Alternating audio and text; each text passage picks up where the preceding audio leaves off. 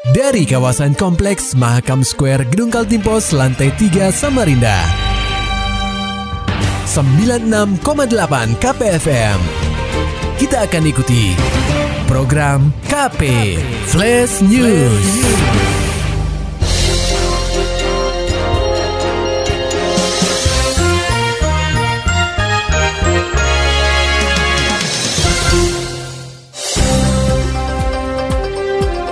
Anda sedang menyimak program KP Flash News bersama saya Agung Pratama. Pendengar KP, Polresta Samarinda menyambangi SPBU yang berlokasi di Jalan Bung Tomo, Samarinda Seberang untuk menelusuri penyebab insiden kebakaran yang nyaris membakar bunker BBM jenis Pertalite di SPBU tersebut. Pengecekan yang dipimpin langsung oleh Kapolresta Samarinda, Kombes Pol Arif Fadli ini menitik beratkan pada langkah apa yang harus diambil pihak kepolisian terhadap insiden yang menyebabkan dua pekerja mengalami luka bakar. Perwira Melati 3 ini menuturkan kedua korban bukan dari petugas SPBU, melainkan pekerja dari pihak ketiga yang menangani proses kalibrasi. Meski demikian, pihaknya akan melakukan pengecekan terhadap sertifikasi pekerja serta menyelidiki apakah proses kalibrasi yang dilakukan sudah sesuai standar operasional prosedur atau SOP. Sudah kita laksanakan koordinasi dengan Pertamina dan ke yang pasti setelah pemeriksaan saksi-saksi uh, kita juga akan minta keterangan dari Pertamina terkait mekanisme uh, proses kegiatan kalibrasi ya yang informasinya kita dapatkan uh, rangkaian kegiatan kalibrasi inilah yang akhirnya meng- mengakibatkan terjadinya insiden. Dua korban ini Pertamina apa petugas SPBU atau apa? Bukan, bukan, bukan. Nah, ini dari pihak ketiga yang uh, diminta untuk memang ke- melaksanakan kegiatan kalibrasi tersebut. Berarti memang sering mereka komandannya. Ya. Memang Nah, ini lagi kita cek. Ah, nanti kita akan cek ah, pihak ketiga ini apakah memiliki sertifikasi ataupun kompetensi terkait hal tersebut. Ya, yang pasti kan kalau mereka memiliki SOP cara bekerja mengatasi ah, hal-hal atau kegiatan tersebut, ya harusnya tidak terjadi insiden seperti ini. Sementara itu, manajer SPBU Jalan Bung Tomo, Farul, mengatakan proses kalibrasi itu baru dilakukan pertama kali sejak SPBU yang dikelolanya berdiri. Hal tersebut dilakukan karena data stok minyak dinilai kurang akurat sehingga pihaknya mencoba melakukan kalibrasi terhadap tangki pendam atau bunker. Setelah proses pembersihan selesai, tibalah saatnya dua pekerja itu melakukan proses pengeringan menggunakan blower. Naas, ketika hendak menyalakan mesin, timbul percikan api yang menyambar kedua pekerja asal Balikpapan itu. Nah, jadi pada waktu itu sebetulnya sudah di cleaning, sudah di rinsoy dan dan sabuni. Ternyata eh, terus yang eh, terakhir sudah di apa dipakai blower untuk menghilangkan hawa dalam itu blower. Rupanya pada waktu anak itu kan blower ini pakai strum ya. Nah rupanya mencabut eh, apa namanya dicolokan itu eh, ada percikan api. Nah terus rupanya kena apa ini eh, Ya, ya, hawanya itu, hawanya itu. Jadi cuma berapa detik aja langsung hilang gitu. Nah, itulah itu saya bilang nih sama saya sih ya ini kecelakaan kerja yang dilakukan oleh Saat ini, kedua pekerja yang menjadi korban belum bisa dimintai keterangan lantaran masih dalam proses pemulihan akibat luka bakar yang dideritanya. Setelah pulih, barulah nanti pihak kepolisian akan meminta keterangan apakah proses kalibrasi yang dilakukan sudah sesuai SOP atau belum.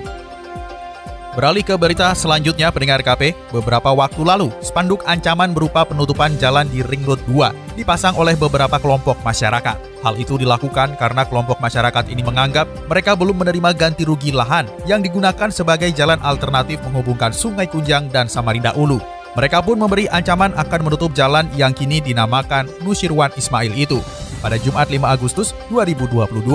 Namun dari pantauan KPFM di lapangan, ruas jalan itu masih bisa dilalui kendaraan pribadi ataupun kendaraan berat. Semua itu terjadi karena Pemkot siap untuk memenuhi tuntutan masyarakat untuk membayar ganti rugi lahan yang digunakan untuk pembangunan jalan itu. Tetapi dalam rapat pembahasan di Balai Kota pada hari yang sama, Pemkot Samarinda masih belum bisa melakukan pembayaran secepatnya. Hal itu ditengarai karena tidak ada acuan hukum yang mendasari Pemkot Samarinda untuk melakukan pembayaran. Menurut Kabit Pertanahan Dinas Pekerjaan Umum dan Penataan Ruang atau PUPR Kota Samarinda, Ignatius Hari Sutadi, Proses pembayaran tidak bisa dilakukan karena panitia pengerjaan jalan itu telah dibubarkan pada 2012 silam. Alhasil, perlu adanya upaya hukum melalui jalur pengadilan supaya Pemkot Samarinda memiliki dasar untuk membayar ganti rugi lahan milik masyarakat tersebut. Apa ini kan kasuistis ya, bukan Iya, kondisi normal kan gitu. Betul betul. Nah makanya tadi begitu banyak memberikan pandangan memang arahnya ke pengadilan tadi itu gitu. Hmm, siap siap. Jadi siap. tidak menyalahi aturan gitu nanti mas gitu. Karena yang Hmm, dicari itu kan dasar hukum bayarnya ini apa? Betul betul betul pak. Ya kan panitia sudah nggak ada, tangan sudah dikerjakan, orang menuntut, ini kan gimana gitu? Hmm, itu di, di mana untuk membayarnya tuh uang ya mungkin bisa dicarikan lah entah ngutang gimana saya nggak tahu kan. Tapi persoalannya dasar hukum bayarnya ini loh apa? Betul betul betul pak. kan gitu nah itu yang dicari itu sekarang itu nah makanya karena sudah sekian tahun yang lalu sudah nggak tahu ke mana semua dan sebagainya ya. Masalah di pengadilan tadi itu. Hmm, nanti hakim melihat oh ternyata pemkot uang prestasi misalnya. Apa tidak membayar karena ingkar kan? Ya, kan begitu. Nah sekarang dasar ini ini oke perintah pengadilan apa? Bayarkan itu. Ah sudah Hmm, pengalikan siap. jalan dengan dasar itu tadi. Berdasarkan data yang ada, sebanyak 47 warga masih belum menerima ganti rugi lahan untuk pembangunan Jalan Nusirwan Ismail itu. 44 lahan berlokasi di Kecamatan Sungai Kunjang, sementara tiga lahan lagi berlokasi di Kecamatan Samarinda Ulu. Pendengar RKP, prevalensi pengguna narkoba saat pandemi, masyarakat desa dan perempuan alami peningkatan. Laporan selengkapnya akan disampaikan reporter KPFM Samarinda, Muhammad Nur Fajar.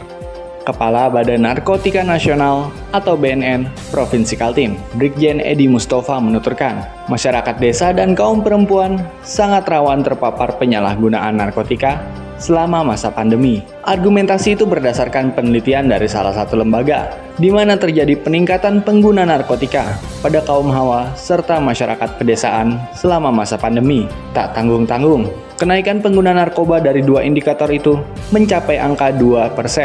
Jenderal Bintang 1 ini memaparkan, angka itu diperoleh lewat pengisian kuesioner serta akumulasi pengungkapan kasus yang dilakukan di seluruh Indonesia. Itu berdasarkan hasil penelitian.